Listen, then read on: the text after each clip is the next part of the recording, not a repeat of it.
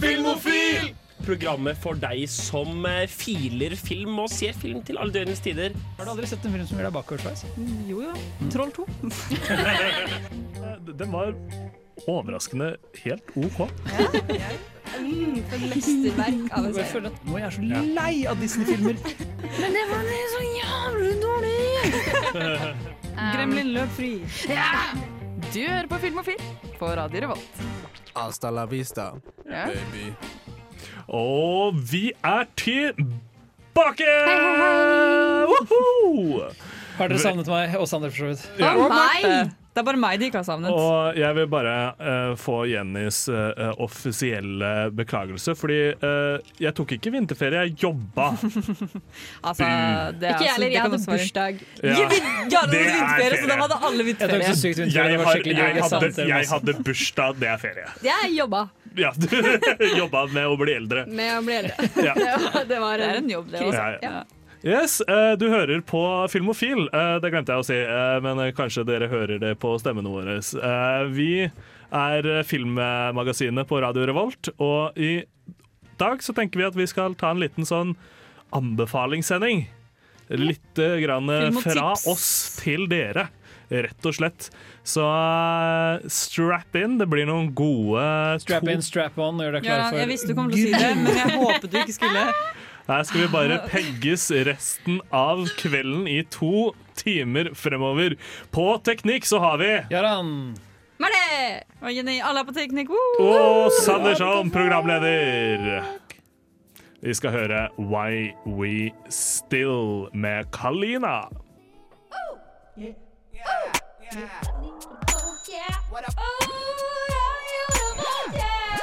Her kun på Radio Revolt. God stil! Det er så god stil, og i gammel god stil så kjører vi på med filmer vi har sett siden sist. For vi er et filmprogram, og vi ser på film. Eller har- serier, da. Vi ser også litt på serier. Ja, men det høres ikke like bra ut når vi heter Filmofil. Jo da. Marte, du har sett på film. Jeg har sett på en film som jeg snubla litt over i går. Oi. Det vet jeg ikke om man sier på norsk. Snubla over. Jo. Jo da, De sier i hvert fall ikke det på engelsk. I snubbled over. Veldig godt poeng. Nei, men eh, Og så skjønte jeg ikke helt sånn, for jeg trodde den kom ut neste uke. Men så kom den ut i går, og det er Netflix' nye film Moxie. Oh, Regissert av Amy Poehler. she got some moxie. She got some moxie. Hva betyr det? Det er Spank. tydeligvis et veldig gammelt ord for liksom futt. Ja, OK. Ja. Som er et skikkelig solid ord. Jeg Ja. er futt. Kvinne med futt i. Ja. Jeg si mer futt. Den norske oversettelsen til filmen True Grit er jente med mannsmot. Som er min favoritt bare det sagt. Ai. Nei! Hvorfor når vi altså- snakker om måtte, ord for å vise at man har karakter og styrke. Mannsmot. Mm. Ja, det er litt det jeg, den filmen her har lyst til å brenne til helvete, for det er Ah. Knus patriarkiet-film. Oh, deilig Eh. før kvinnedagen. Ja, ganske deilig. Eh, det er en film om eh, Amy Poehler er med i filmen. Altså spiller sånn litt sånn eldre Moren, gjør hun ikke det? Hun spiller moren Ja. til hovedpersonen, som er Det en var litt 16 år som gammel eh, jente. Mean Girls. Uh... Det, jeg kommer ja, det til det, fordi også. denne Stemmer. filmen minner meg veldig om Mean Girls. Å, gøy! Da skal jeg se den. Så se den. Men uh, bare sånn for å gi en liten oppsummering av hva filmen handler om, så er det en Mm. 16 år gammel jente som går på high school. Eh, og uh, moren hennes har liksom tidligere vært veldig sånn ultrafeminist og liksom rødstrømpegenerasjonen. Mm. Så har denne skolen en sånn liste som den kommer ut med hvert år, som er sånn uh, most bangable og best Mm. ass og sånn klassisk high school-greie. Jeg vet ikke, jeg har gått på high school. Uh, og så begynner disse jentene å bli ganske drittlei. Mm. Så de danner da en sånn feministgruppe som de kaller Moxie. Ah. Uh, og filmen er på en måte Den er veldig sjarmerende og veldig søt. Men den klarer ikke helt å være den der råfeministiske, ja, superrevolusjonærende filmen som den prøver å være. Jeg føler den faller litt gjennom på manuset. For den, Ønsket du deg liksom noe som sparket hardere? ja, for den er veldig fylt av veldig mye klisjeer. Eh, men Mean Girls, eh, for den har den akkurat samme scenen som er i Mean Girls, hvor de leser opp sånne ting som du setter pris på, på, hun som reiser opp, å, jeg er så glad i regnbuer og sånn. Den scenen har de i filmen. Så Veldig veldig Mean Girls var veldig sånn koselig, kul film å se. Morsom. Faen. Den eh, skal, står offisielt på min watchlist etter det. Men du, Gøran, du har også sett film. Det stemmer. Jeg har sist. virkelig sett en av de, store, en av de fem store. Jeg har virkelig tatt en av Eh, lista. som jeg- elefant? Ja, nei, ikke så stor, men The. Elephant Man, da. Vi, vi nærmer oss, fordi at vi, jeg har sett en av de filmene som jeg alltid visste at jeg måtte se en dag, men som jeg drøyd fordi jeg tror det måtte være litt for um, utfordrende for meg. Jeg har sett The, Pro The. Proposal. Ja, jeg så det! Og du slakta den så hardt, og jeg, jeg Er det, det, nesten det er den derre The Proposal Ja, det, jeg mener ikke at dette er en storfilm i det hele tatt. Det er, det er en liten drittfilm. Det er en romantisk komedie fra, er fra 2009 med Ryan Reynolds Ja, det er den jeg tror jeg husker, hvor han er sånn Han er Han er Nei, la meg, la meg fortelle dere. Fordi jeg, jeg trodde jeg skulle på en måte smelte når jeg så denne filmen, av frustrasjon. Okay. Plottet til The Proposal er at Sandra Bullock er en kald, hard kvinne som er, en karrierekvinne som jobber altfor hardt til å ha tid. Hun har ikke tid til å være snill mot noen. Hun er bare en Nei. bitch. Hun er på kontoret hver dag og er kjip, og ingen liker henne. Og ingen jobber når hun ikke er på kontoret heller, så det skjønner ikke helt greia. I hvert fall, Hun har en, ku, en veldig kuet mannlig assistent, spilt av Ryan Reynolds. Fordi som har han vil bare bli liksom flinkere i firmaet. Så han ja, vil komme lenger han, opp i han vil bare følge drømmene sine, men han må gjøre alt som den slemme sjefen hans Sandra Bullock sier at han må gjøre. Så han Oh. har mistet all sin mannlige identitet, og han er ikke en mann lenger. Han er bare en liten skjødehund for Sandra Bullock. Men Sandra Bullock er canadier, og når hun da blir truet med å bli kastet ut av landet og miste jobben sin, så tvinger hun sin personlige assistent Ryan Reynolds til å gifte seg med han. Altså I metoo-æraen så ville denne filmen Denne filmen ville vært en helt, helt annen film, men i, i The Proposal så er det ingen politisk korrekthet til stede, og det gjør altså at filmen kan være dødsrasistisk. Som den på alle Den er måter er. Den er det. Ja, den er altså en megaproblematisk sånn sen 2000-tallsrelikvie som bare blir dummere og dummere jo lenger den går. Fordi Den. Sandra Bullock er sånn 'Du skal gifte deg med meg', og så er Ryan sånn 'Ja, greit, men da skal jeg få forfremmelsen'. Og så bestemmer de seg for å ljuge til uh, myndighetene for, i bytte mot uh, at han skal bli forfremmet. Så, Men så, uh, fordi de blir på en måte etterforsket av en sånn inspektør fra myndighetene, Ja. så er det sånn Ja, men da drar vi til familien min i Alaska. Og der viser det seg at Ryan Reynolds, når han får være fri i Alaska, så er han en mann. Sandra Bullock kan forelske seg i ham fordi han Og han er en mann. personlighet. Og hun lærer seg bare å bli en kvinne. Ja. Og som vil si at Hun lærer seg å være myk, snill Ja. og, og kulig og føyelig. Ja. Og så er den i tillegg rasistisk. Men hallo, han som spiller film, en av de altså. beste rollene, som er, også er, Er Oscar fra The Office, er Oscar ja. fra The Office. Og det er kjempegøy. Han spiller stripper, han spiller han fyren som bare jobber i absolutt han alle det? butikker. Ja. Det. Tidlig 2000-tallet sett denne var filmen altfor mange ganger. en magisk tid for sånn, sånn drittfilm. For du kunne bare la alle hemninger fare Ja. og være så utrolig lite politisk korrekt du bare ville. Det er, litt, det er nesten litt gøy, men det blir en slags sånn magisk trashfire. Ja, rett og slett. De gjør litt som Martin Hazy og gir faen. Ei, det gjør du. Vi snakker om de filmene vi har sett siden sist. Og Jenny, Mhm. du har faktisk titta på litt. Jeg har fått tid til å se en film, og jeg har begynt på Ugly Betty igjen. Jeg vil bare slenge ut det. Det er, det er fortsatt veldig bra. Jeg åh, elsker Ugly Betty. Men, eh, og det ligger på Disney Pluss. Det er derfor jeg ser det. Er Ugly Betty den der firkantede hodet med sånn rart hår og sånn? Nei. Nei. Nei, det er noe helt Ugly jobber for et magasin, og så er hun skikkelig stygg. Og så er den, ja, det er Hun skikkelig er jo ikke stygg. Men jeg har også sett en film fordi jeg har et mål her i livet. Mm. Eh, fordi eh, jeg ble inspirert av Jaran og August, som prøver å se gjennom hele IMDbs topp 250-liste. Ja. Men det tenkte jeg, det er for mye jobb. Det gidder ikke jeg. Nei. Så jeg nøyet meg med å prøve å se liksom alle de filmene som har vunnet Oscar. Ah. Ja. Sånn at jeg har eh, lov til å dømme Oscarene litt hardere, da. På bakgrunn av deres tidligere valg. Altså Best Picture eller Ja, Best alle Picture. Oscar? Beste makeup, beste kostyme, beste lyddesign. For det er en Og så må du se den for hver Oscar, så du må se sånn elleve ganger. må du se Nei, Oscaren har vært i snart 100 år nå, er det ikke det? Eller mer? Mm, Jeg husker ikke. Søt- Nei, det Første, jo, hadde ikke de første Oscar er fra sånn 75 Det er, 1920 etter nei, det er, det er 74. som er 75. som er nå. Ah, tror ja. jeg. Ja, et, eller så har de hatt 75. anniversary. Det er noe sånt. Ja. Men i hvert fall, så jeg prøver å se gjennom eh, de filmene. da Så Her forleden så gjorde jeg et eh, nytt innhugg i denne listen, og Oh. så Rocky for første gang. Ja. Jeg har ikke sett Ah. Rocky før. Jeg ikke helt. Det er, jeg leste, altså prøvde, så søkte jeg litt på den etterpå for å finne litt sånn hva folk hadde sagt om den. For jeg visste, jeg var sånn, det, var bare masse følelser jeg hadde. Og så leste jeg en artikkel som var sånn BBC som hadde skrevet noe sånn Dette er den beste, dårligste filmen Den mest suksessfulle, dårligste filmen noensinne laget. Og jeg er så enig, fordi den er skikkelig dårlig i starten. Den er, den, jeg skjønner ikke hva den vil. Det er bare han som, er, som går rundt og er sånn yo. Hello, my Ja. name's Rocky. Jeg bokser, og så blir det til en sånn Han er skikkelig, og så skal han liksom inspirere alle, men så er han bare sånn man, Jeg får ikke noe medfølelse for han, men samtidig så er den litt kul. Ja. Jeg bare skjønner ikke helt. Men er det, er, tar jeg helt feil, eller er Rocky 3 favoritten? Sånn Mm, internetts favoritt. Det er, det er den Rocky hvor 4 er den hvor han slåss mot Dolph Lundgren. Ja, det er det fire jeg Nei, eller er det 3? Fuck, nå husker jeg ikke. Ja, Jeg husker ikke. det er fall sju Russ- Rocky-filmer. Pluss en Apollo Creed-film, som også Ja. kom i Ja. 2017. To Apollo. Creed-filmer, takk. ikke. Eller eh, sønnen til Apollo Creed. Men det er gøy at du sier dette med Rocky, fordi den er en litt sånn semisplittende film. Uh, fordi det, mange syns den blir for, uh, for cheesy. Og Ja, mange syns den litt. blir for uh, Det skjedde en ting på 70-tallet. Som er denne realismen som skulle inn i Hollywood-filmene. Ja. Som du også ser i Rocky. Den føles litt lavbudsjetts på mange måter. Veldig. Uh, uh, som gjør at mange kanskje syns den er litt kjedelig. Det var ikke det jeg syns med den. Jeg syns bare at den var litt rart bygd opp sånn storymessig.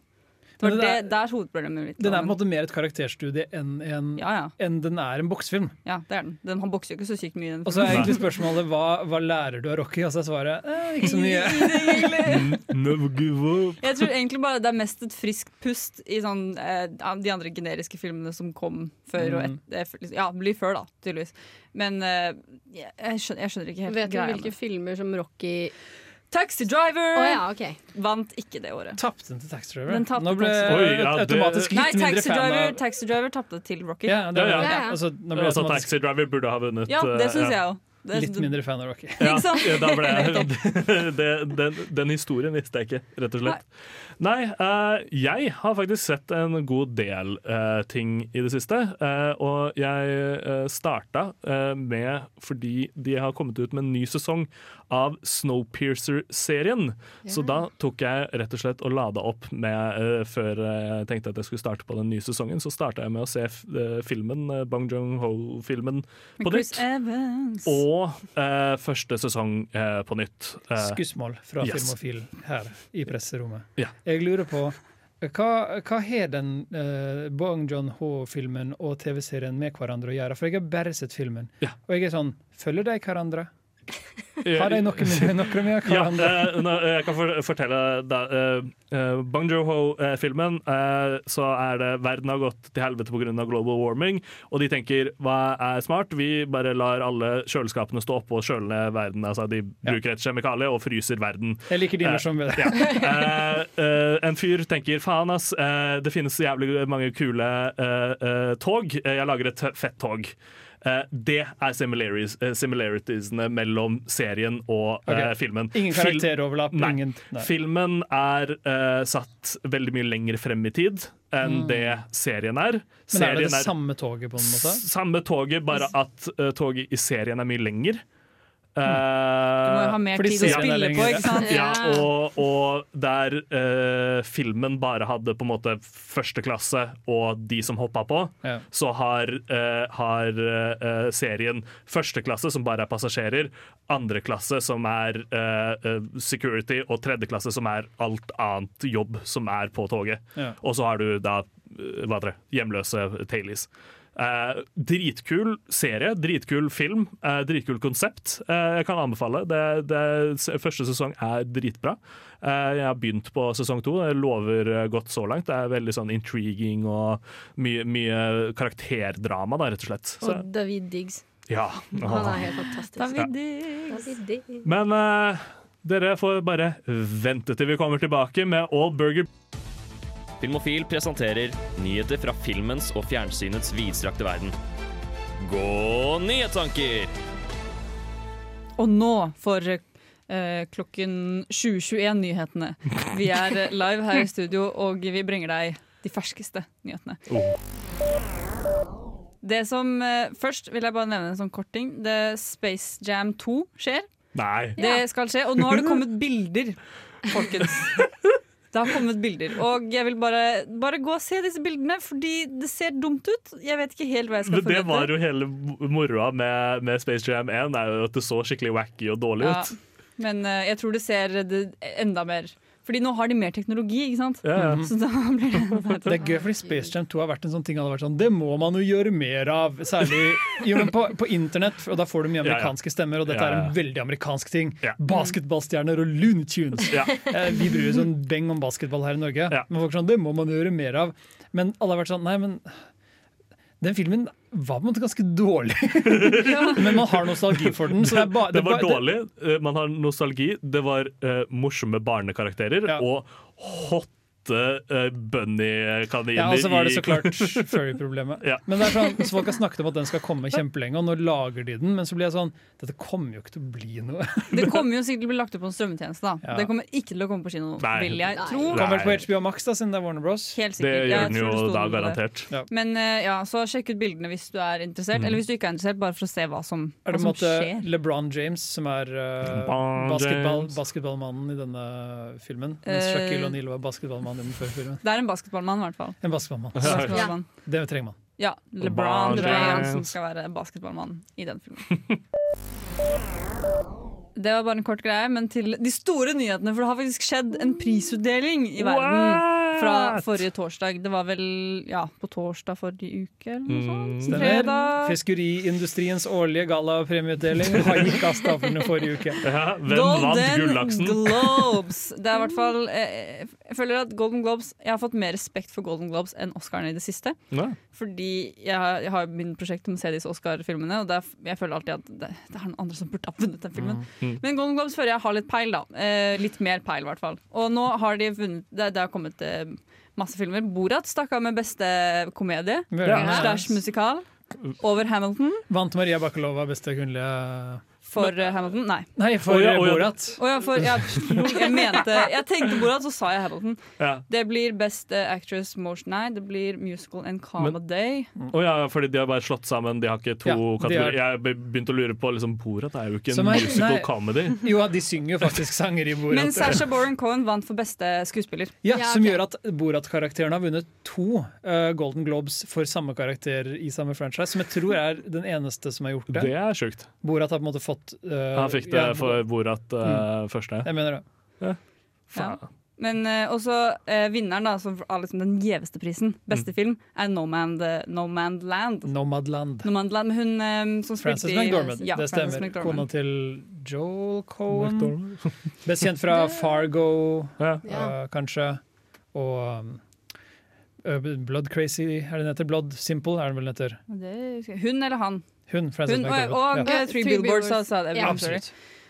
Ja, altså, The Crown stakk av med en del eh, priser. Ja, Mhm, mhm. ikke overraskende. Nei, den er jo veldig bra. Og så var det hun som spiller Diana. Stakk av med beste kvinnelige skuespiller i en Ah. TV-serie, tror jeg. Ja, og han som var, Gøy. spiller prins Charles, stakk av med beste mannlige ja. birolle, Stakk med masse priser, de. Og Nomadland stakk også av med litt flere priser også, tror jeg. Til Nomadland bygger jo bare mer og mer hype for Oscarene, Og egentlig. ja, eh, Nomadland også. Eh, apropos eh, gleder deg til den kommer. Den skal bli lansert på Disney pluss eh, Star, i UK Oi. i hvert fall. Så jeg antar kanskje at den også da kommer. Men den får Disney+. norsk kinopremiere. Den gjør det, ja? Ja, den gjør det. ja ok. Tøft. Digg. Så enten der eller på Disney pluss. Sikkert kommer den kanskje. Faen, altså, jeg gleder meg. Gleder meg til You, My Everything av Dussy. For et program i burra med både klasse og stil. Du hører på Filmofil. Yes, det gjør du. Og vi skal nå gi deg litt tips. Jeg skal gi deg tips til filmer til spesifikke situasjoner. Oi. Så du finner deg selv. Shit. Du har matcha med en hot hunk eller chick på Tinder og tenker du er slick og inviterer på Netflix and chill. Hen kommer inn døra med hvitløksånde og All Lives Matters-T-skjorte. Fuck! Hvilken film setter man på for å punktere den seksuelle tension? Jeg tenker det da er åpenbart at eh, en film som starter med en 30 minutters lang fødsel, det setter litt eh, kjepper i hjula. For flest folk. For de fleste. Eh, Det var en veldig liten minoritet. og så er det jo også hvis eh, denne personen du er på date med, blir tent, Ja. så er det vel bare å sparke dem på Så- huet og ræva ut. Ja. Jeg snakker da om 'Pieces of a Woman', som eh, kom på Netflix for ikke så veldig, veldig lenge siden.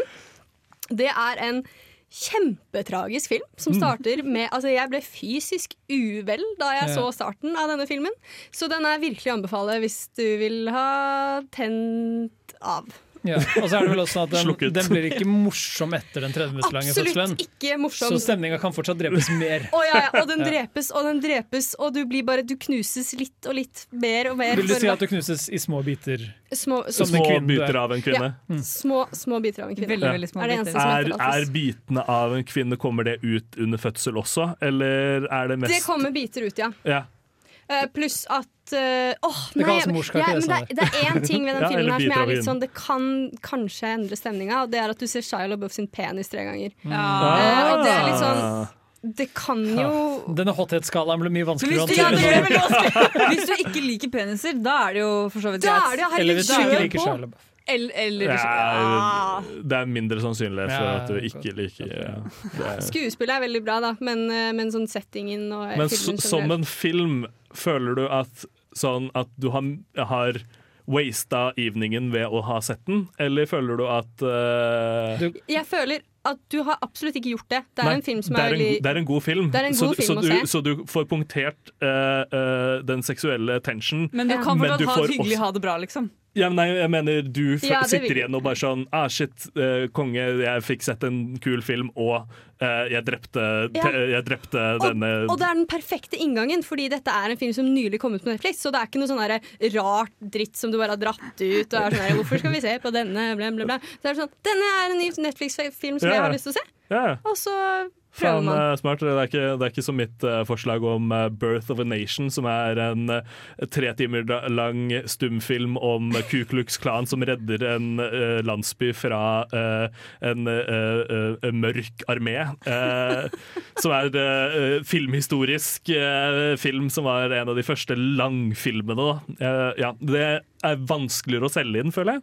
Ja, det er noe med å si Skal vi se 'Birth of a Nation', denne tre timer lange stumfilmen fra 1912? Ja. Det er på en måte mye vanskeligere å, å servere. Ja, jeg tenker det. Og i tillegg, på slutten av, eh, av de tre timene, og du har sagt ha det, så føler du at du har wasta tre timer. Ja, den er jo på en måte Jeg vet ikke om du har sett Altså, det- 'Birth of a Nation', jeg har men sett den er Birth of a Nation i Ja. pensum-relasjon, og det er, jo, det er jo interessant med hele historien bak. Ja, for også, og, og, Første halvdel av Birth of a Nation bruker ganske mye tid på borgerkrigsrekonstruksjoner, gjenskapelse, og da er det på en måte gjort med folk som potensielt var i live under borgerkrigen. Mm. Som gjør at den biten er på en måte ganske interessant å se puttet på film. Ja. Eh, og så blir den selvfølgelig en, megarasistisk ja.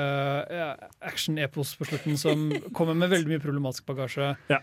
Men, men du vil på en måte også da stå igjen med den følelsen at han går fra daten og kanskje tror at du var rasist. ja, Ja, ikke sant? Ja, ikke sant? Men er ikke det det, var du vil? Du vil jo ikke ha noe med dette mennesket Nei, å gjøre igjen. ja, nei, men, Ja, men hvis han har All Lives Matter-T-skjorte ja, så er kanskje Birth of the Nations bare sånn Å, min favorittfilm! Ja, Vi pleier å se denne på møtene hver uke! Det var double feature av den og American History X. Herregud. Jeg, jeg vil heller gått en annen retning. Eh, Jeg tenkte, med en gang jeg tenkte, så var det liksom Sånn sl- slasherfilmer, sånn skrekkfilmer som Oh. tar det litt for langt, det tenker jeg er veldig fint. da Som for eksempel, hvis du vil ha en Alle har hørt om Texas Chainsaw Massacre. Hvis du sier den, så var det som Ja, kanskje ikke vi skal se den, men hvis du foreslår The House That Jack Built Den Mm. er ikke så veldig godt anerkjent. Eller den er ikke så kjent, Den er ganske liksom. anerkjent, men ikke Ja, men den er kjent. ikke kjent Ja, den er ikke blant mainstream. the common tongue. Lars von. Triers siste film. Ja, Ja. det er blant annet en scene hvor eh, man ser at de skjærer av seg Eller at han skjærer av brystet til en jente. Oh. Det gjorde så vondt! Det var helt, helt forferdelig. Jeg var sånn! Den anmeldte jo du tilbake i det gjorde to jeg. år Dere tvang meg på Ja. den anmeldelsen. Det, det gjorde jeg. Det, var, det er en bra film. Det er det. Jeg likte den Ja. veldig godt, men den har liksom, han bygger et hus av mennesker. Det er en senperiode. Lars von Trier-film som også Ah. jeg tror krever litt innselgelse. Så det er Ja. det huset Ja. han er bygger av han Jack. Ja, han bygger Er faktisk hus av mennesker. Det er ganske fælt. Men det, eh, det er jo ganske godt jobba. For jeg har også tenkt på samme eh, takt som det er med, med skrekkfilm, og jeg tenkte liksom Midsommer. Midsommer som har liksom et breakup, uh, har, uh, har incest, uh, har spise pubes og som er skikkelig creepy hele veien. Ja, det, det er liksom en film som jeg føler er en god film. Det er en film som du sitter igjen og bare sånn Ja, faen, jeg er glad jeg så den. Men du er ikke sånn eh, Stopper den halvveis for å pøke, liksom. Jo, men den, for, den, for, den er litt for treig. Så du har for mye altså sånn litt sånn idyllisk Ja, landskap. ja. Man bare For sitter og ser ser på psykedeliske Ja, bilder. Er sånn, ja, hvor men du vi bare kan jo bare snur deg mot hverandre. Eller sånn, den personen som du ikke vil ha der, snur seg mot Ja. deg, og så må du finne på en annen unnskyldning. Men for Jeg gikk også litt skrekkfilmruten, for det er veldig vanlig sånn, skal vi se en skummel film. Men så tenkte jeg, hvis du da tar en film du kan selge inn som sånn, den har du sikkert ikke hørt om. Ja. Og så er det en film som går for langt, Ja. som ender med at du bare føler deg dritt og lei deg og irritert Oh. og sliten, Uh, og som virkelig ikke er sexy på noen måte. Det tenkte jeg var sånn, det, det er den beste turn-off-filmen. Du kan selge den inn lett, og så vet du at den er ferdig, så vil man bare gå hjem, egentlig. Du kan så jeg selge for- liksom sånn Å, vi skal se en skummel film. Å, du må beskytte meg. Jeg gikk for en film jeg så for ikke så lenge siden og virkelig satte igjen med den følelsen av. Den heter Martyrs. Det er en det fransk uh, nyekstrembølgefilm fra liksom 2009 eller noe sånt. Og den er uh, litt sånn semikjent som en film som Ja. virkelig setter et støkk i deg. da. Og de første, Den første timen av den filmen er altså så blodig og, og intens at det er virkelig sånn Du sitter skikkelig med hjertet i halsen. Den siste halvtimen er bare en kvinne som blir banket opp i 30 minutter. Ah, uh, Ja, ikke sant? Sånn, som ba, Den bare går, blir fullstendig nihilistisk og, og vond og trist å se på. Og når det er ferdig, så er det bare sånn Jeg orker ikke mer, jeg vil bare gå og legge meg. Eh, så den Eller er For Sama, kommer jeg på nå. garantert å drepe stemningen, den òg. Den dreper så heftig stemningen. Hvis ikke det blir sånn, grå, hvis det ikke blir sånn grinesex. Ja, det, Fy faen, ass. Bare få han ut og focus on you med Isabel Erberdin.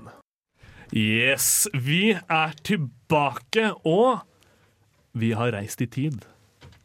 For det er faktisk ikke mars lenger. Det er sent i september, tidlig oktober. Det er kaldt og vått og trist. Du har akkurat sittet på bussen og sett ut vinduet og latet som du er i en musikkvideo.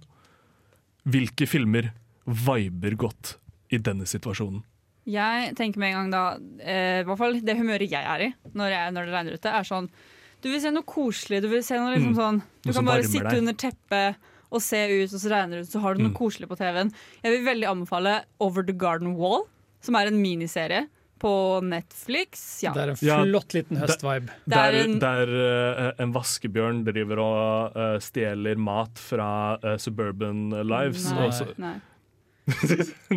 ikke, ikke over hekken. ja. Å ja. Men Over the Garden Wall er sånn Det er seks eller syv eller åtte eller ni eller ti episoder. Jeg tror det er, jeg tror det er, om, jeg tror det er ti episoder, og de er ti minutter hver seg. Ja, de er kjempekorte. Det er Elijah Wood som har stemmen til denne karakteren. Og det handler om to brødre da, som skal liksom De går seg en tur i skogen. Han spiller, han spiller en, karakter, en bror som heter Wirt, og han som spiller Greg, han er bare en åtte år gammel gutt. Uh, oh, som er Ja. år gammel gutt. Det er Han er kjempesøtt. kjempesøt. Og så går de bare tur i skogen, og så blir de, eh, bort, de liksom, eller blir ikke borte. De klarer å forvikle seg inn i den skogen, da. Ah. Og så skjer det mye sånn Tenk er litt sånn Spirit of the spirited away stemning bare at det er Ja. eh, laget for Cartoon Network. Okay. Mm. Okay. Den er, det er utrolig søt serie. Den er, og den er spennende. Det er Morsom, nydelig, den, er, den har flott mytologi med Og den er veldig monstre. fin! Den er Ja. kjempefin. Den er, bare, den er perfekt til en sånn regnværsdag. Å, hvor de jeg ikke har så det mye Ja. Ja, jeg, er- Jeg har det som en skikkelig god sånn høstserie selv. Mm. Men min sånn ultimate regnværsvibe Mm. må være Blade Runner. Den, uh, Den sto på min nå. ja.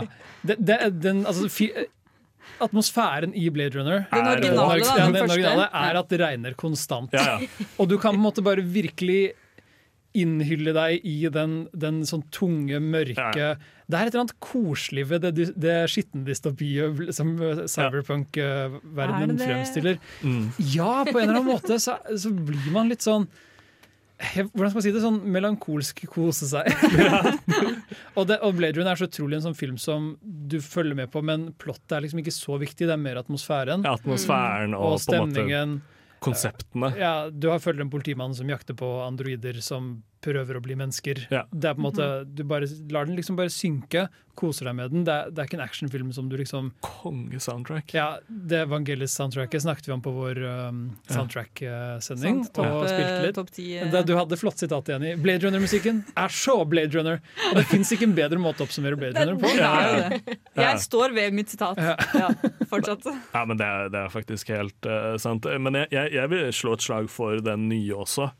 Eh, Ja, men den er ikke like den- regnete. Den er ikke like det regnete. snør, og de er i ørkenen. Ja. Det er Det så er mange andre andre typer steder. vær. Ja. Ja.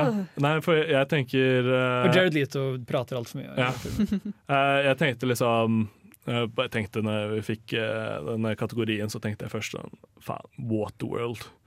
Bare så der, ja, Nå er det vått og trist ute, nå skal det være vått og gøy inne. Men I Waterworld så er det sol hele tiden. Jeg vet det, men det er masse vann, da. Det er det. Eh, så, Ikke helt samme greia. nei, Så er det ikke skikkelig varmt. Ja. Jeg tenker, altså Når du tenker regn, så tenker du liksom det drypper, bla, bla, bla. Tårer, tenker jeg. Første assosiasjon. Crying in the rain, no one can see my tears. rain, just got done. Tears gone Du ser for deg den like scenen i Notebook når rain. de omfavner hverandre Ja, i regnet. så Mm. absolutt. Eh, så jeg, det første jeg tenkte på, tenkte på det regner ute, er Afterlife. Som er eh, serien av Ricky Gervais. Ja. Som er en av mine favorittserier eh, of all time. For jeg syns den er så fantastisk. Den er morsom, den er hjerteskjærende, Ja. den er alt du Den- trenger den på en regnværsdag er under teppet med et glass basically- rødvin. Er det ikke en sånn svensk eh, no, som er laget av samme fyr som lagde den 100 år gamle eh, som stakk ut Hundreåringen som over Ja, men det, det er en annen hvor, hvor det er For konseptet til Ricky Gervais er at kona er død, og han er skikkelig Og så kommer seg ikke over det i tatt. Bare Men, men han kjemper suicidal, men han føler alltid at det er noe han kan hjelpe. Det er noen han kan hjelpe Ja. uh, til til å få bedre. bedre.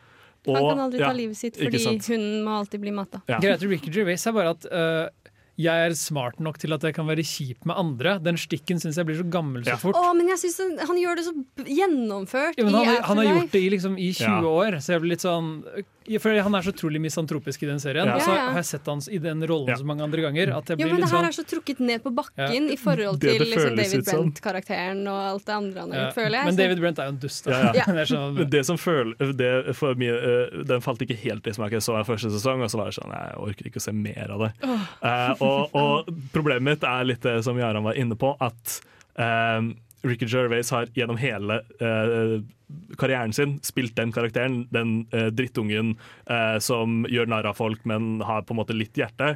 Det eneste er at han innså at vet du hva, i det eh, politiske klimaet vi har nå, så kan jeg ikke lage en serie, så jeg må gi han en grunn til hvorfor Ja. han er dritt. Han kan ikke bare være dritt. Nei, nei. Han må ha en ordentlig grunn. Så Men hvorfor gjør det det dårlig? At Nei, det gjør er det jo egentlig det bedre. Gjør det jo Nei, det gjør det, bedre. gjør det bedre, men uh, det, det er så gjennomsyrlig av, uh, av uh, Ricky Gervais som gir faen, at han bare sånn Ja, men ok, greit, for at jeg ikke skal få masse hets, Jo, så jo, men men det hadde jo vært veldig rart hvis han hadde, tatt, altså, hvis han hadde gjort noe helt Altså han hadde gått bort fra humorsjangeren. Dette her er jo Ricky Gervais sin humor Ja, ja, det er det. I, Det er sant. i, i solid form, liksom. jo, jo, men det er jo en anbefaling som kommer med den. Du må like Ricky Gervais. Da, Ja, du må Ja.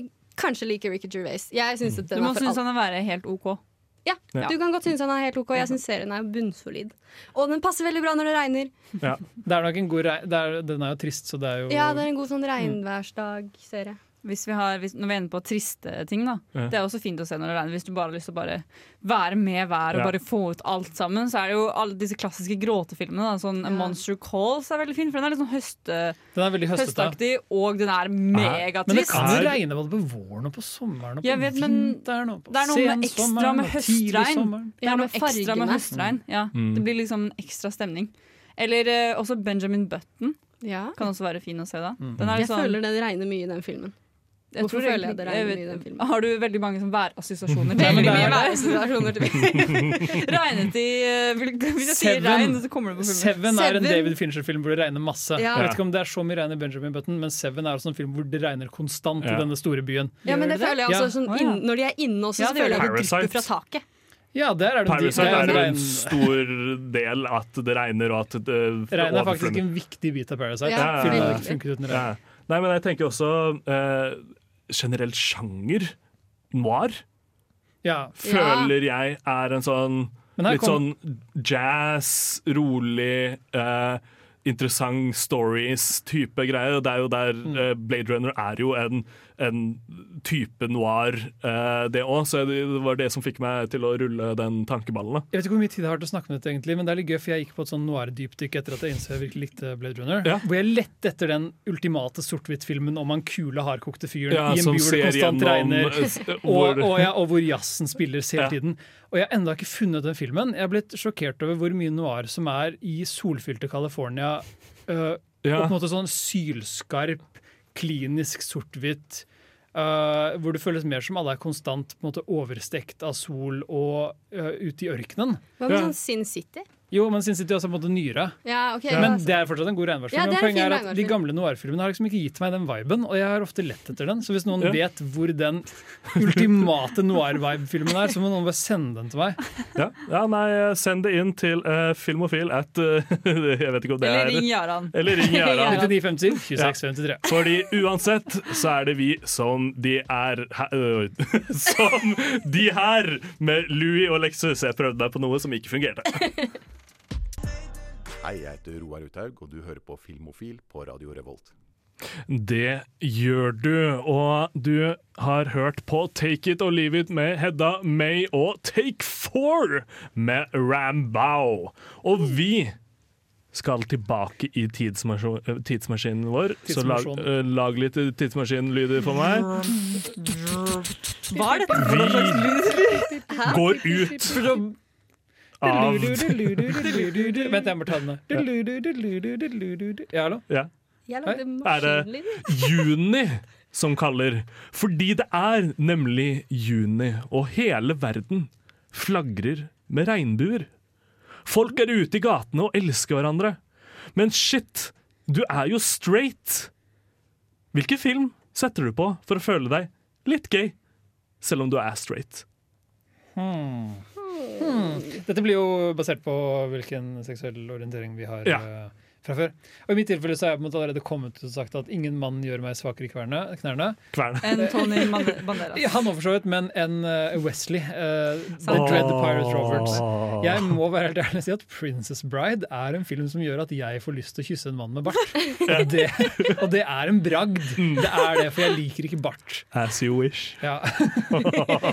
Så jeg lurer på om jeg skal, skal putte alle pengene mine på The Princess Bride og satse på at jeg kanskje Alle kan pengene dine, ja. Er du villig til det? Jeg har sånn ti kroner Alle hit me. Ja.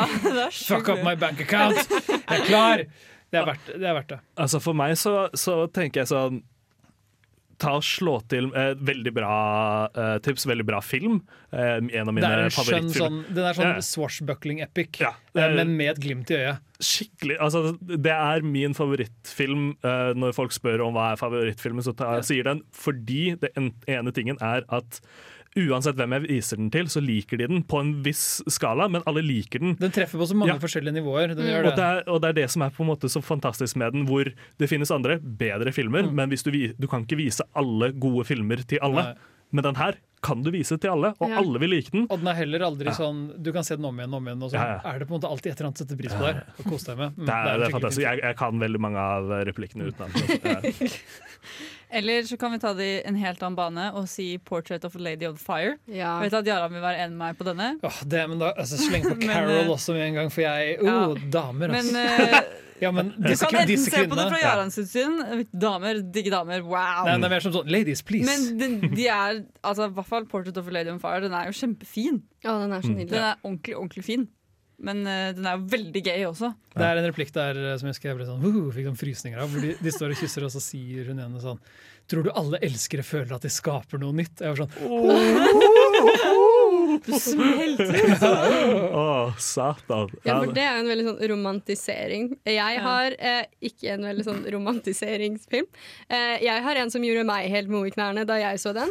'Bandidas' med Salma Hayek og Penelope Cruz. Er det For noen damer! Den har jeg altså sett, faktisk. Den. herregud, de er digge den filmen. Den er sånn, er det det at Salma Hayek er sånn røff, tøff landeveisrøverdame? Ja. Eller sånn geriljakrigerdame? Ja. Og Penelope Cruz er sånn overklasse uh, Og så blir de, altså skal de på en måte eh, slåss mot Ikke slåss mot, de blir eh, bankranere. hun, hun ene må lære seg å bli tøff, og hun andre må lære seg å bli litt mer ordentlig. Ja.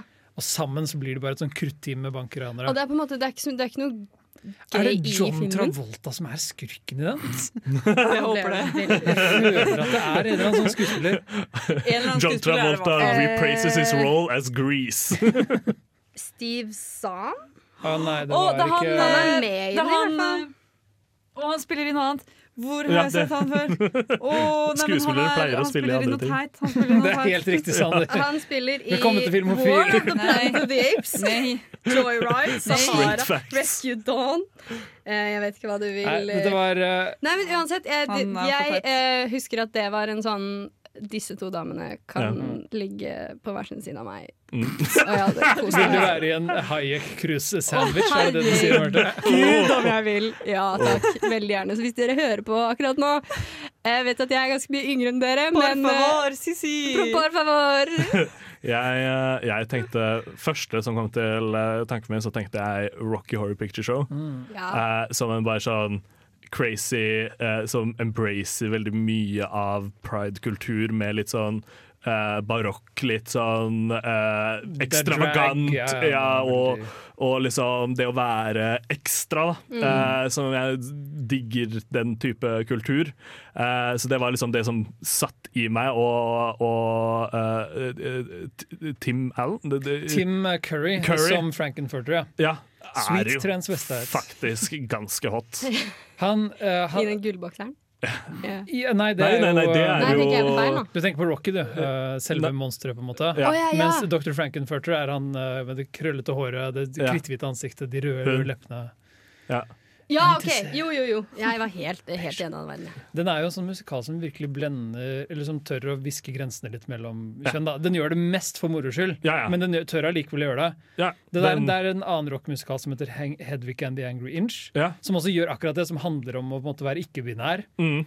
Uh, og det, når det på en måte blir hovedtematikken, så kan du bli mer sånn tilbøyelig til å si sånn Ja, men kanskje s- på en måte sex er en, et spektrum. Ja. Eller, Ikke sant? eh, ja. Mm. Ja, ja fordi altså, hvis man bryter ned uh, Rocky Horror Picture Show, så er det jo liksom eh, Transen er jo en romvesen. Eh, ja, de kommer fra det ytre rom. ja, eh, så det er liksom eh, This is alien to earth. eh, dette er unnatural. Ja. Hvor politisk korrekt Rocky Horror Picture Show er, det er egentlig ikke så Ja. viktig, for det er ikke poenget med den filmen. Nei, det er ikke det. Eh, men så begynte jeg å tenke på liksom sånn, hvilke filmer er det som, liksom, som får meg til å tenke liksom mm. Så det, det første som poppa opp i hodet mitt, det var uh, Moulin Rouge med Ewan McGregor. Ah. Altså, okay. Får Ewan det til å kile litt i tistassen? Sånn. ja, lite grann. Det er, men han er faktisk helt sykt kjekk i den filmen. Absolutt. Og men han derre tangoinstruktøren! Hohoi! Hohoi! Ja.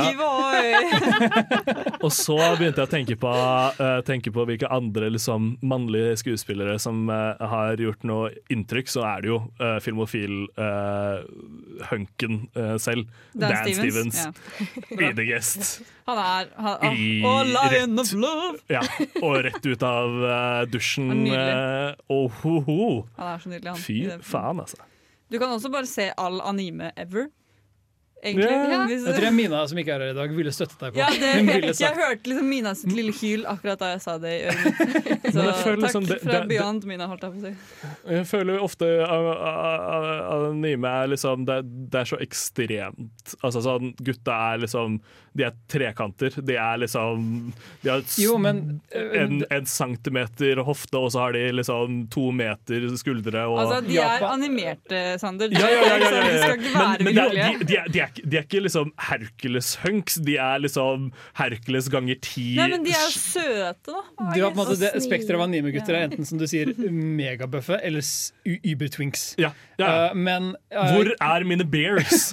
Altså, Japan har en veldig sånn kultur for å tørre å la på en måte mannlige karakter, karakterer være uh, mer romant... Altså mer på hverandre, da. Jeg vet ikke hvordan jeg skal si det. Ja. De er- Det er ikke nødvendigvis det at de er skeive, men de har mye mer skeiv energi. Ja, Ja. Du hvis det er mening. de f får lov til å ha følelser, basically. Uh, Ja, uten ja, at i det det er minste, om Ja. ikke mer. Og vennskapene kan være mer intense, og det kan på en måte være mye mer. Og ja. De har en bedre kultur på det, tror jeg. da Uh, Mm. Og til tider også en usunn kultur, for alt seksuelt gjør Japan noe rart med på et eller annet tidspunkt. Ja. Nei, men jeg tenker jo også vi må jo, vi, man må jo nevne Magic Mark. Må vi det? Og burlesk, egentlig. Og burlesk. Er Ja, burlesk Ja. liksom Burlesk. jentenes Magic Mike? Burlesk Ja. er Angeline Nei, det er det ikke. Eh, det er uh, Christina Aguilera. Oh, yes. Som, den, ja? og Cher, som er liksom De jobber i et uh, ish strippeklubb-aktig miljø, bare at det er liksom Det er burlesk dancing. Det er burlesk dancing, og så synger de, og så er det, det er masse, fin masse film, greier. Ja, Den er skikkelig dårlig. Kjempe, nei, Den er kjempedårlig. Ja, altså, jeg har sett den så mange ganger. Den er jeg- jeg- veldig dårlig. Jeg, jeg kan ikke huske uh, siste gang jeg så den, men jeg husker at jeg syns at, at visuelt så er den fin. Ja. Eh, fine farger, fin eh, koreografi Sykt og bra musikk. Ja. Jeg hører på soundtracket hele tiden. Ja. Nei, men uh, vi skal uh, høre om hasjkrisen uh, som King Slurk rapporterer på. Hei, jeg er Agnes Kittelsen, Og jeg er Aksel Henning, og det er viktig at dere hører på Filmofil. filmofil. Yes, Du hører på Filmofil, og du har hørt på Sønn av Frøkedal og familien. Men eh, dere, er ikke dere litt enige om at eh, livet, livet det er litt kjedelig? Men eh, Kan være det. vet dere hva? Livet er for kjipt. Dop er også ulovlig. Så hva kan man sette på av film som er en opplevelse mer enn bare filmen? Lovlig dop. Ja, Ja. nettopp. Hvordan bli høy på en film. Eller bare, eller bare rett og andre slett opplevelser. Det er bare rett og slett en helhetlig opplevelse som ikke bare er liksom Jeg, så en film, det var liksom Det er, det er nesten en religiøs opplevelse, da. Den første filmen som eh, ga meg kaldsvette og hodepine, var The Wall. Ja. ja. Den er på en måte en 90 minutter langers musikkvideo eh, med utrolig psykedeliske visuelle effekter og Pink Floyd-musikken på liksom full guffe, hele The Wall-albumet. Mm. Eh, den forteller på en måte samme historien som The Wall-albumet, bare at den gjør det både visuelt og gjennom musikken. Bob Geldof er i hovedrollen. Ja. Eh, den er regissert av Alan Parker, en eh, relativt dyktig britisk regissør som gjorde en del andre interessante prosjekter. Men den er bare en sånn For meg, visuelt, så var den liksom sånn Jeg ble utmattet av å se den, husker jeg først. Ja. Og den har jo ikke noe dialog eller noe på en måte konvensjonell historiefortelling, det er bare bilder. Ja. Så det blir veldig sånn Hvis du lar den skylle over deg, så risikerer du å bli veldig sånn um, Gå inn i en slags transe, nesten. Ja. Ja, den er litt creepy. Ja, men jeg også husker jeg fikk den opplevelsen, spesielt fordi det veksler jo på en måte mellom kaller man ekte film og Ja. animasjon. Mm. Sånn som den rettssaken i The Wall, hvor det Ja. bare er sånn derre rumpehull eh, Rumpedommer som skriker på Rumpedommer er Det er utrolig Ja, ja. beskrivende, men Ja, men det stemmer! Se filmen, Ja, ja. så skjønner du hva jeg mener. Det er sånn Du sitter der og blir, du blir liksom dratt inn i et sånn ja, psykedelisk universet. Ja, det, helt er, det er så lenge siden jeg har sett den. Jeg husker ikke at han uh, med rumpehullsmunn fra Kult blir grusom uh, er i Men det er han faktisk. ah. Nei, jeg tenkte Det første jeg tenkte på på den kategorien, var jo liksom klassikeren, altså 2001, uh, A Space Odyssey. Ja. Som en Ja. type sånn opplevelse. Eh, den, den er jo en film du sitter igjen og bare sånn Hva skjedde egentlig i filmen? Altså sånn rent sånn eh, eh, kronologisk eh, hva, altså, Det er så mye visuell stimuli i den filmen at man blir helt ja. Når du snakker spesifikt om opplevelse i 2001, så er den jo berømt for den psykedelika-biten på slutten. Ja. Hvor eh, det er masse blinkende lys, det bare varer og varer, det er masse rar lyd, og så får vi disse rare bildene. Og den nådde en slags sånn kultfilmstatus, fordi i Amerika, når den gikk på kinoer, Mm. så er den akkurat lang nok, den er tre plusstimer, til at du har en sånn intermission, en pause i midten. Mm. Og da fikk folk lov å gå ut av kinosalen. Ja. Og da pleide stoner å snike seg inn. Ah! På siste halvdel, så uten å betale billett, så var det gjerne en haug med sånn, uh, i sånn type San Francisco og LA og sånn, Ja, ja, ja, en haug med steinhøye folk som lå på kinogulvet og så bare siste halvdel av 2001 under en hendelse. Ah, så konge! Eh, Som har gjort at den kulturelle statusen den filmen er blitt litt endret, fordi mange som snakket om den, så aldri første halvdel. Nei! Som er den menneskets opprinnelse-biten i Afrika, Ja. Og den første måneturen og alle disse tingene. Og, og hva heter det, AI som rebell Nei, men Nei, det, det er i blir siste halvdel, ja. siste Mm. halvdel, Det er ja. eh, første, første halvdel av siste halvdel. All Alt space junkie-ting. Ja, den Ha- HAL 9000-biten, ja. som måtte er den mest ikoniske, Mm. er jo i siste halvdel. Ikke sant? Uh, som kanskje forklarer yeah. At det er det som er uh, der. Nei, så, så begynte jeg å tenke på liksom sånn, hvilke andre sånn visuelt og litt sånn narrativt fucked up er det som kan liksom gi Som jeg satt igjen lenge etter. Eh, og en av de er uh, Horse Girl, eh, som kom ut på Netflix for to år siden. Tre år siden. Okay. Eh, dritkul uh, med uh, Jeg føler den kom i fjor. Jeg Hun føler du snakket om den i fjor. Ja. Eh, eh, Alison Bree. Alison Brie eh, som er liksom en litt sånn uskyldig jente. Og så er det bare rett og slett en historie om, om fuckings eh, mental Altså at du mister eh, Du mister sanityen, da. Ja. Eh, du, du blir in, eh, insane, og filmen klarer å uh, eh, forandre sitt språk, altså sitt visuelle språk, på en sånn måte at vi føler det, vi òg.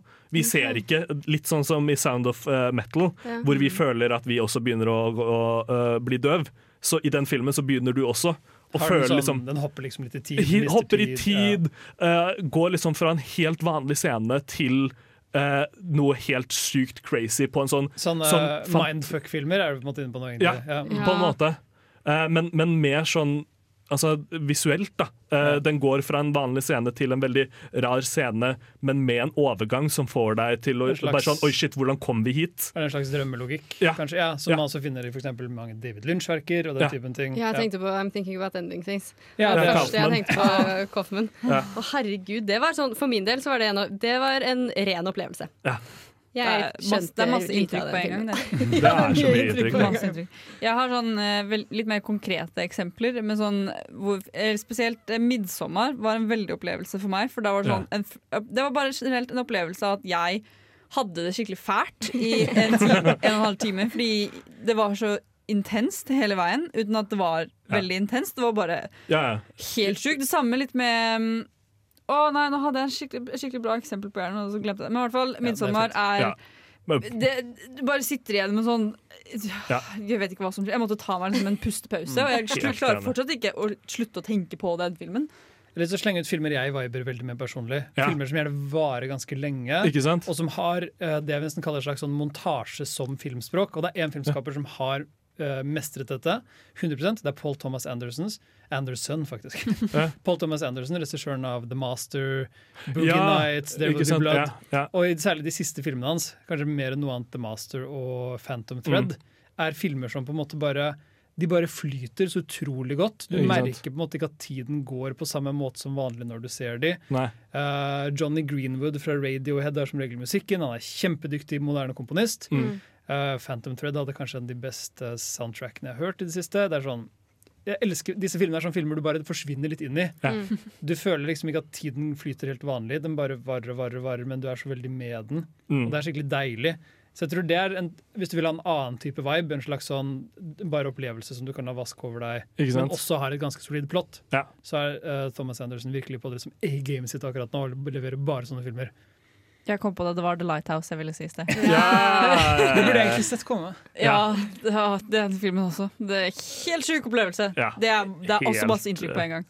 Jeg vil spinne litt videre på den som er på en måte Det har et litt solid plott, og så bare skyller filmen over deg. Det, det, det er sånn alle Studio Ghibli-filmer for min del. Ja. Fordi de er så Ja. nydelige, og de er så vakre, og de skaper Du skal liksom sånn på en reise. Du skal på en reise. alle, til og med Pompoko, den hvor alle vaskebjørnene har baller som er magiske. Jeg har ikke sett ja, Pompoko. Hvor de flyr med ballene sine og minus sånn. Pompoko. Men jeg synes, sånn House Moving Castle, Ja, ja. Prinsesse Mononoke, Kiki. Kikis budservice. Kiki er så vibe, det. Det er så nydelig. Altså, du, det, det, jeg føler også litt at den havner i den der Jeg føler ikke at tid går, jeg føler Ja. bare at jeg er med. Nei, det er bare sånn, Dette er en varm sommerdag jeg kan Ja. leve i for alltid. Ja. Ja, det er det er deilig. så deilig. Det setter hele kroppen i en state, liksom. Det er, det er musikken helt fantastisk. er så vakker. Ja, ja, Ja. Ja, nei, er også den hvor du på en måte blir litt sånn Den tar litt pusten fra deg, Ja. på en måte. Og du, eh, den, det er noe med at de universene og de verdenene er så velbygde og så utrolig ibebodde. Så du kan liksom leve i de på en måte. Hvis det, Ja, ja, ja. Man har lyst til å bli igjen etter filmen er ferdig. man, har lyst til, man har lyst til å reise dit, liksom. Ja, ja. Litt sånn som vi har lyst til å reise til India av lut. Hi, this is Brian Usen. I'm the producer of Reanimator and the director of Society, and I'm with the Filmophile people, and uh, we're all having a great time. We are all having a great time, men vi får se, da. Kanskje i denne situasjonen her, så har vi kanskje ikke det. Å oh, Nei, Fordi du skjønner, du har blitt spurt av din filmnerdvenn Oss, altså. ja, om å henge med hens filmnerdvenner. Oss, altså. Mm. Shit! De kommer jo sikkert ikke til å ha lyst til å snakke om Langbein og Sønn-filmen eller Thor Ragnarok. Hvilke filmer får man fomo av å ikke ha sett? Kan jeg bare åpne ballen her med en litt personlig historie fra min barndom? Ja, Ja! Det var uh, den største fomoen jeg noensinne har hatt med film. Det var at uh, alle vennene mine de lekte Star Wars i skolegården. Jeg hadde ikke sett noe Star Wars, så jeg fikk ikke lov til å være med og leke.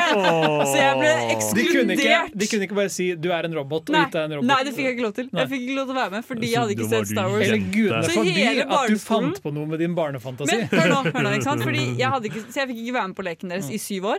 Selv om de var vennene mine, liksom. Og så så jeg Star Wars. Eller det var, De lekte også Harry Potter, og så hadde jeg ikke sett den nyeste Harry Potter-filmen. Så var det sånn, nei, du får ikke være med Så så jeg Harry Potter-filmen, og da var de ferdig med den! Så, Og for de spilte filmene de, ja, Har du, fra start til slutt. har du Ja. tenkt at uh, det kanskje bare handler om at de ikke vil leke med deg? jeg, jeg tror det. Men uh, det, det hjelper ikke alltid å se de filmene folk Men nå har du sett Star Wars, for du lov å leke med vennene dine nå. Nei, jeg gjør jo ikke det, for nå er jo de for kule for det. ikke sant? Ja, Ja, ja. det blir for dumt. Det er for. Vi kan leke Star Wars etterpå. Ja, takk. Jeg, jeg, ja, det, det var en Jeg kamp og Jarand på pleier alltid etter sending å ta og slå, slå med sverd. Ja. Marte også da liker å fekte med pinner. Ja, det er Ringenes herre, da. Ja. Jeg har ikke så lekt så mye Star Wars. Litt, litt. Ja. Men ja, altså, det, er, det er tidenes største FOMO. Ja, Når det, det kan jeg tenke meg. Altså, jeg- det, Jeg hadde, jeg hadde selvpåført filmfomo på videregående. Ja. Da min filminteresse begynte å ta av, Ikke sant? eh, så innså jeg at jeg hadde sett veldig lite filmer. Og så uh, var det ingen andre som var like filminteressert uh, som meg i min uh, nærmeste vennekrets. Så det var, ikke, det var liksom en, en sånn Har du ikke sett den filmen? Ok, Ja. den bør du se, den er bra. Liksom. Ja. Men det var ingen sånn du den filmen? Men jeg begynte av og til å bare liksom tenke at fy faen, jeg har ikke sett Taxi Driver, det må jeg få gjort! Yeah. Og så hadde jeg på en måte allerede sagt så kunne jeg bare finne på å si at filmer jeg ikke har sett var bra. Og så måtte jeg liksom se det etterpå for å passe på å sjekke at det var sant. Uh, og, så, og så var jeg av sånn, og så var jeg sånn Shit, ja, Taxi Drive var bra. Det er Dodge the Bolt, liksom. Det var flaks. Men så plutselig var det sånn Men jeg likte jo ikke denne filmen. Og nå har jeg sagt at den var bra.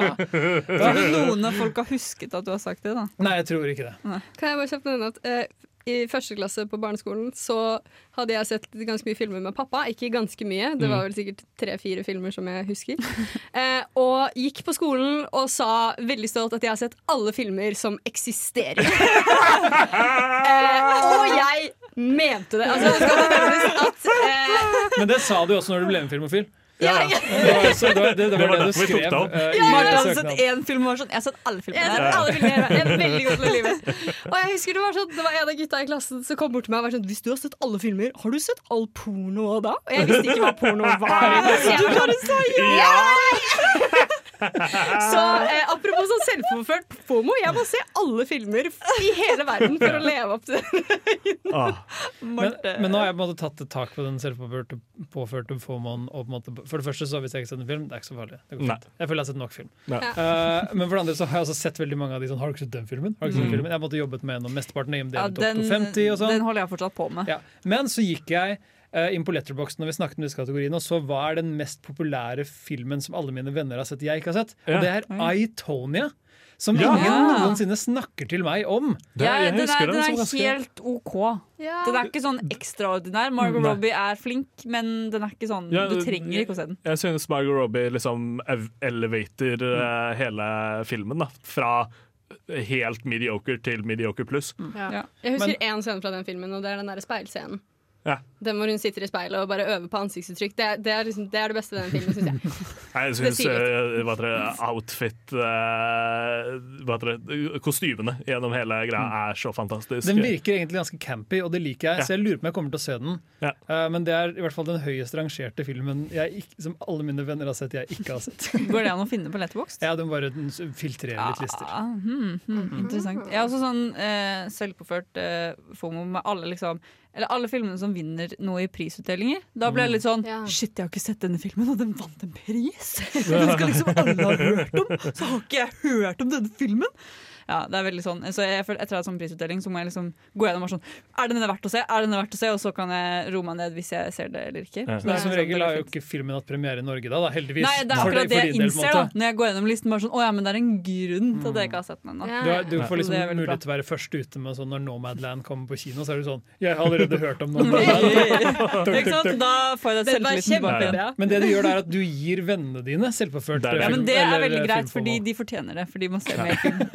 Men for jeg tenker, hvis vi, ikke, hvis vi skal snakke til de lytterne våre som ikke er oss, uh, som hører på tilbake på podkast etter at vi har lagt ut på podkast, så må vi jo snakke til liksom, hvilke filmer er det vi har sett som vi føler liksom er litt un, altså, Ikke veldig underground, men nok underground til at vi føler at liksom vi må vi må gi ut disse tipsene da, for at eh, den the average uh, Tom, Dick and Harry kan se noe og snakke med oss om. Ja, jeg har, hvis du liker å le, se Taika Waititis What We Do In The Shadows. Ja, Oh, det er en yes. helt fantastisk Den burde alle se. Den burde alle se, og jeg føler det også er en film som ikke alle har sett. Nei, Nei. overraskende nok. Ja, Den er så nok. sykt bra, den.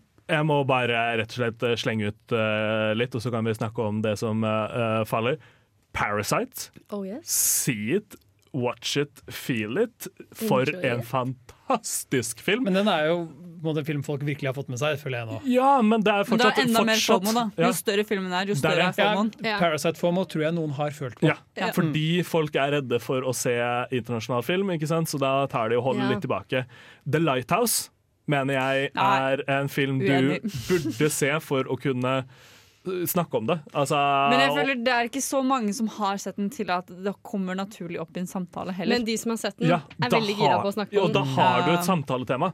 Da har du et samtaletema på et vors med eh, den filmnerder. er Er du, er du nå på de på en måte, mest populære filmene du føler folk bør sett, eller er du bare på personlige favoritter? Jeg er litt på personlige favoritter, og så er jeg litt på liksom sånn eh, Jeg kommer inn på det nå, okay. så er det litt sånn Ja, du kan eh, kjøre på med en. Jeg, jeg har bare lyst til å lire av meg noen av mine egne favoritter Ja, ja. Og, se, og se om jeg kan gi dere FOMO, for jeg vil påstå at jeg har sett flest filmer etter Det, Det har- det har du. 100%. Yeah, men skriv gjerne, gjerne. Jeg har sett alle filmer i hele verden. En av mine favorittfilmer så jeg har sett alle filmer i hele verden, er uh, pornoparodi Nei, uh, Being John Malkovich Ja. er en film som Den har jeg veldig FOMO for, fordi den har jeg faktisk ikke sett ennå. Nei, der ser dere. Jenny og Marte, bitte litt FOMO. Ganske fornøyd. Ja. Det er en skikkelig bra film. Dere burde virkelig sett den. Herregud, har dere ikke sett Being Ja, John Malkovich? Okay, Ok, Men hva, Jeg skulle med se den på Samfunnet, og så skjedde korona. Ja, hva med, hva med Mulholland Drive, da? Har dere sett den? Ja. sett Nei, Mm. Men den har jeg, den har jeg ikke noen Faen, preferanse for å se heller. jeg har den på watchlisten.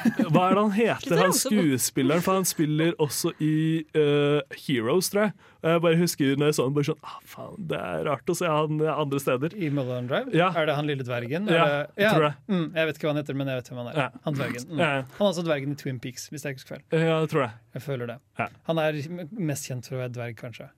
Kortvokst. Jeg vil virkelig anbefale Ja, det er kanskje ikke politisk korrekt å si lenger. Hvis du snakker om Ringenes herre, så er det akkurat fair. der jeg falt Ja. tilbake. Men Mulholland Drive var en sånn film som endret hvordan jeg så på film, for det var en Ja. sånn det var en opplevelse mer enn en film. Ja. En sånn skikkelig trippy Jeg skjønte ikke helt hva som skjedde. Den skremte livsskiten av meg til tider. Jævla hobo. Ja, vet du hva? En av de, de største, første øyeblikkene hvor jeg var livredd på film, er når han kommer gående rundt hjørnet. Han Ja. uteliggeren. Og det, er bare sånn, det skjer bare et helt, sånn helt vanlig Ja. håndholdt kamerashot. Ingenting dramatisk, men jeg bare fikk frysninger og trodde jeg skulle bæsje på meg. Det er så mange som, som syns den er helt jævlig.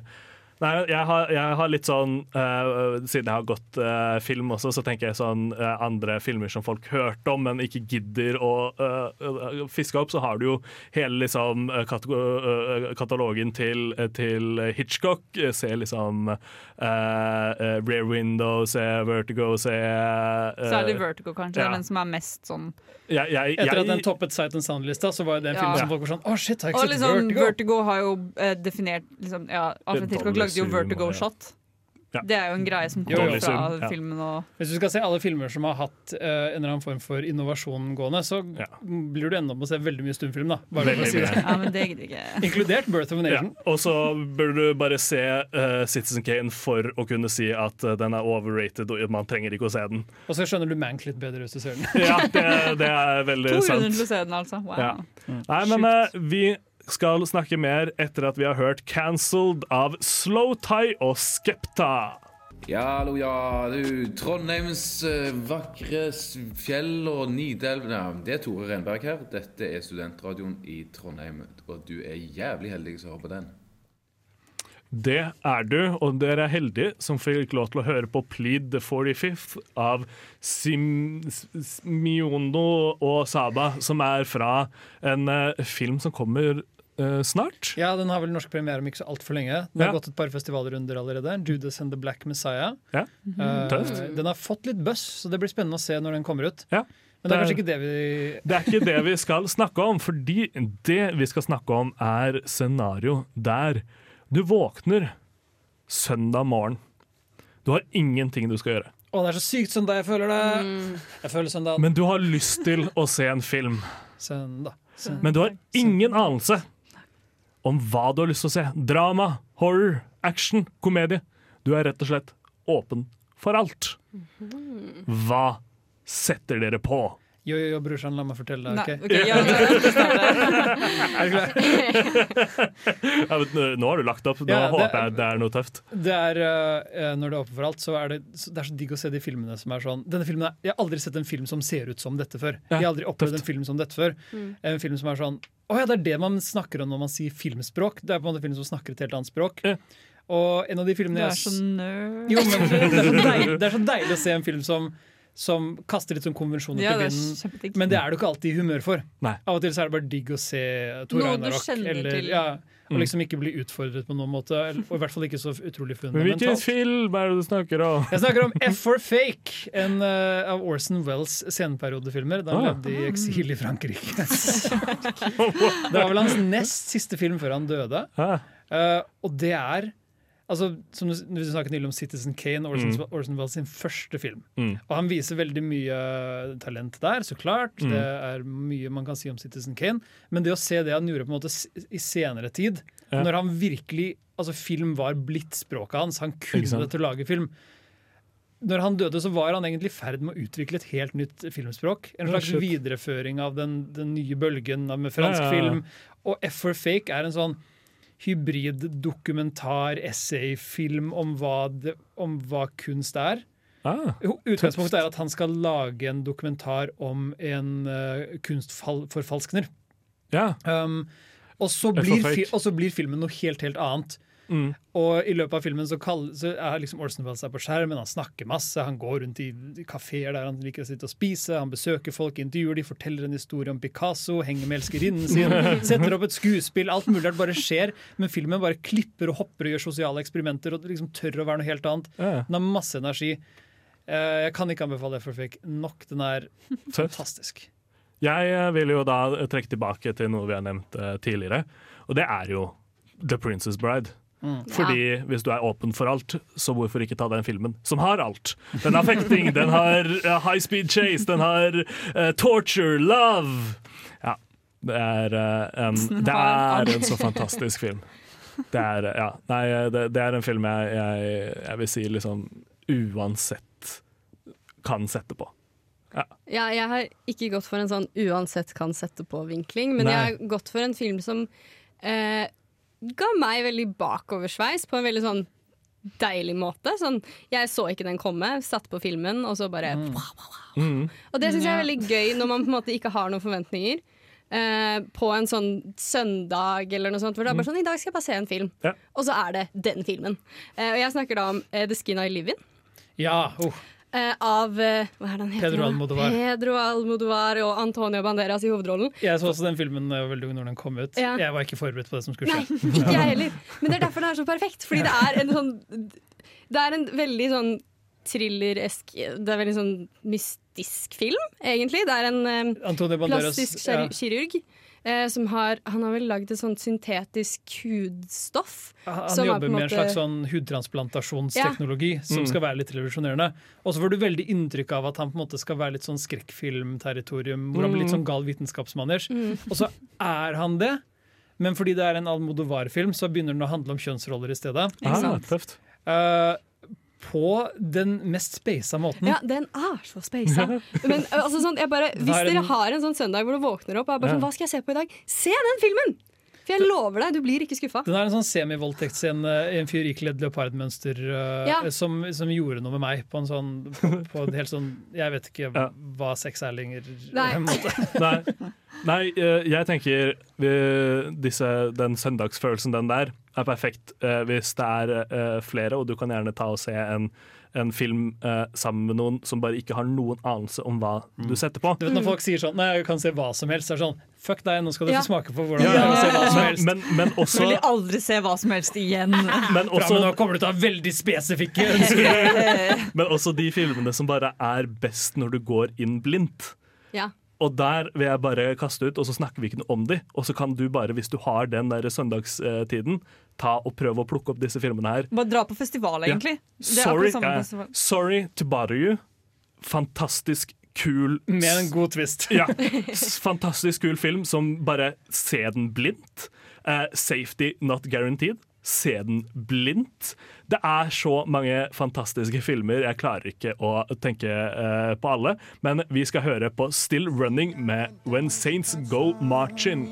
Hei, mitt navn er Atle Antonsen. Du lytter til Filmofil på radio Revolt, og det gjør du helt til programmet er ferdig. Og det har du faktisk klart! Gratulerer. Gratulerer! Ja. Vi har rett og slett bare samla opp en god del tips for dere der hjemme for å se hva dere har lyst til å sette på, eller dere burde sette på i forskjellige situasjoner. Så det er bare å gå tilbake på podkast og høre dette om igjen. Legg til alle disse titlene i watchlisten din. Ja. Vi kommer til å bare eh, gå i eh, hibernation, for vi skal nemlig på Kosmorama! Trondheim internasjonale filmfestival. Det skjer på mandag til søndag. Gi ut litt uh, titler som folk burde få med seg. Det er egentlig bare å se alt på Kosmorama er min anbefaling, fordi de har generelt veldig mye bra. Men de har masse arkivtitler som er ute, eksempel, som vi har sett. da, eksempel The Farewell er en veldig veldig bra film. Den kom på min syvendeplass for de beste filmene fra i fjor. Eh, den er kjempesøt. Uh, og eh, de skal også vise, vise Mid-90, som er regidebuten til Jonah Hill. Jonah Hill. De skal også vise en film med Audrey Plaza.